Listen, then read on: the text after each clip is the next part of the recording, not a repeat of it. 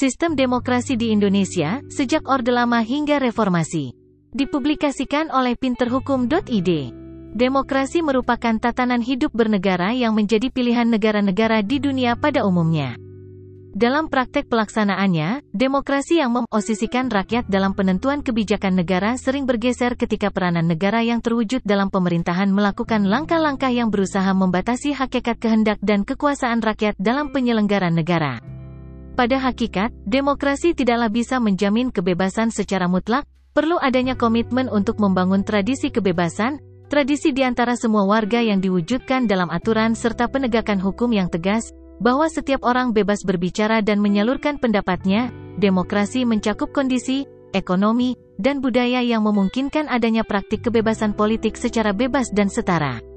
Demokrasi menempati posisi vital dalam kaitannya pembagian kekuasaan dalam suatu negara, umumnya berdasarkan konsep dan prinsip trias politika, dengan kekuasaan negara yang diperoleh dari rakyat juga harus digunakan untuk kesejahteraan dan kemakmuran rakyat. Demokrasi Indonesia dipandang perlu dan sesuai dengan pribadi bangsa Indonesia. Selain itu yang melatar belakangi pemakaian sistem demokrasi di Indonesia. Hal itu bisa kita temukan dari banyaknya agama yang berkembang di Indonesia, selain itu banyaknya suku, budaya, dan bahasa, kesemuanya merupakan karunia Tuhan yang patut kita syukuri. Demokrasi dalam sistem negara kesatuan Republik Indonesia 1. Demokrasi parlementer, tahun 1945 sampai tahun 1959. Demokrasi parlementer menonjolkan peranan parlementer serta partai-partai. Sistem parlementer yang mulai berlaku sebulan sesudah kemerdekaan diproklamirkan dan kemudian diperkuat Undang-Undang Dasar 1945 dan 1950. Undang-Undang Dasar 1950 menetapkan berlakunya sistem parlementer di mana badan eksekutif terdiri dari presiden sebagai kepala negara konstitusional beserat menteri-menterinya yang mempunyai tanggung jawab politik, karena fragmentasi partai-partai usia kabinet pada masa ini jarang dapat bertahan lama. Koalisi yang dibangun dengan sangat gampang pecah. Sistem parlementer mendapatkan legalitasnya di dalam pasal 118, 2 Konstitusi, RIS dan pasal 83, 2. UTS Tidak stabilnya pemerintahan tahun 1945 sampai tahun 1959 merupakan salah satu indikasi gagalnya suatu sistem politik, ditandai dengan jatuh bangunnya kabinet selama 14 tahun 17 kali ganti kabinet. Koalisi ternyata kurang mantap dan partai-partai dalam koalisi tidak segan, segan untuk menarik dukungannya sewaktu, waktu, sehingga kabinet sering kali jatuh karena keretakan dalam koalisi sendiri. Dengan demikian ditimbulkan kesan bahwa partai-partai dalam koalisi kurang dewasa dalam menghadapi tanggung jawab mengenai permasalahan pemerintah.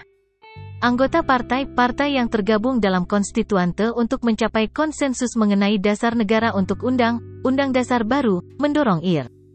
Soekarno sebagai presiden untuk mengeluarkan dekrit presiden tanggal 5 Juli tahun 1959 yang menentukan berlakunya kembali Undang-Undang Dasar 1945, dengan demikian masa berdasarkan sistem parlementer berakhir. 2. Demokrasi terpimpin, tahun 1959 sampai tahun 1965. Masa ini ditandai dengan dominasi presiden, terbatasnya partai politik, perkembangan pengaruh komunis dan peran ABRI sebagai unsur politik semakin luas. Undang-Undang Dasar 1945 membuat kesempatan bagi seorang presiden untuk bertahan selama sekurang-kurangnya lima tahun. Akan tetapi ketetapan MPRS No. 363 yang mengangkat IR. Soekarno sebagai presiden seumur hidup telah membatalkan pembatasan waktu lima tahun yang telah ditentukan oleh Undang-Undang Dasar. Selain itu banyak sekali tindakan yang menyimpang terhadap ketentuan-ketentuan Undang-Undang Dasar. Misalnya dalam tahun 1960 IR. Soekarno sebagai presiden membubarkan Dewan Perwakilan Rakyat hasil pemilihan umum, Padahal dalam penjelasan Undang-Undang Dasar 1945 secara eksplisit ditentukan bahwa Presiden tidak mempunyai wewenang untuk berbuat demikian. Selain dari itu terjadi penyelewengan di bidang perundang, undangan di mana berbagai tindakan pemerintah dilaksanakan melalui penetapan Presiden, Penpres, yang memakai dekrit tanggal 5 Juli sebagai sumber hukum. Lagi pula didirikan badan, badan ekstra konstitusional seperti Front Nasional yang ternyata dipakai oleh pihak komunis sebagai arena kegiatan, sesuai dengan taktik komunisme internasional yang menggariskan pembentukan Front Nasional sebagai persiapan ke arah terbentuknya demokrasi rakyat. Partai politik dan pers yang dianggap menyimpang dari rel revolusi tidak dibenarkan dan dibredel, sedangkan politik mercusuar di bidang hubungan luar negeri dan ekonomi dalam negeri telah menyebabkan keadaan ekonomi menjadi tambah suram G30 SPKI telah mengakhiri periode ini dan membuka peluang untuk dimulainya demokrasi Pancasila. 3. Demokrasi Pancasila Orde Baru, tahun 1965 sampai tahun 1998. Demokrasi Pancasila merupakan demokrasi konstitusional yang menonjolkan sistem presidensial. Landasan formal periode ini adalah Pancasila, UUD 1945, dan TEP MPRS MPR dalam rangka untuk meluruskan kembali penyelewangan terhadap UUD 1945 yang terjadi pada demokrasi terpimpin. Ketetapan MPRS No.LLL 1963 yang menetapkan masa jabatan seumur hidup untuk IR. Soekarno telah dibatalkan dan jabatan presiden kembali menjadi jabatan efektif setiap lima tahun. Demokrasi Pancasila secara garis besar menawarkan tiga komponen demokrasi. Pertama, demokrasi dalam bidang politik pada hakikat adalah menegakkan kembali asas-asas negara hukum dan kepastian hukum. Kedua, demokrasi dalam bidang ekonomi pada hakikat adalah kehidupan yang layak bagi semua warga negara. Ketiga, demokrasi dalam bidang hukum pada hakikat bahwa pengakuan dan perlindungan HAM, peradilan yang bebas yang tidak memihak. Hal yang sangat disayangkan di masa ini adalah alih-alih pelaksanaan ajaran Pancasila secara murni dan konsekuen. Demokrasi Pancasila yang dikampanyekan oleh Orde Baru sebatas retorika politik belaka. Dalam praktik kenegaraan dan pemerintahannya, penguasa Orde Baru bertindak jauh dari prinsip-prinsip demokrasi.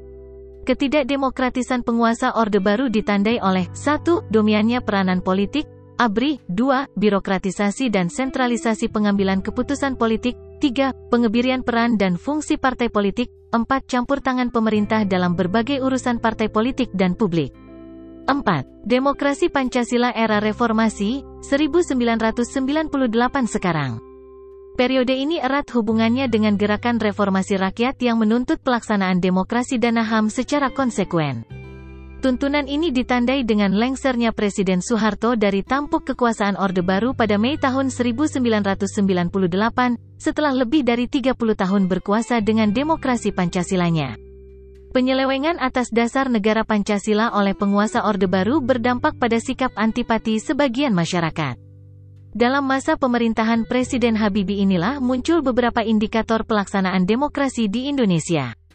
Pertama, diberikannya ruang kebebasan pers sebagai ruang publik untuk berpartisipasi dalam kebangsaan dan kenegaraan. Kedua, diberlakukannya sistem multipartai dalam pemilu tahun 1999.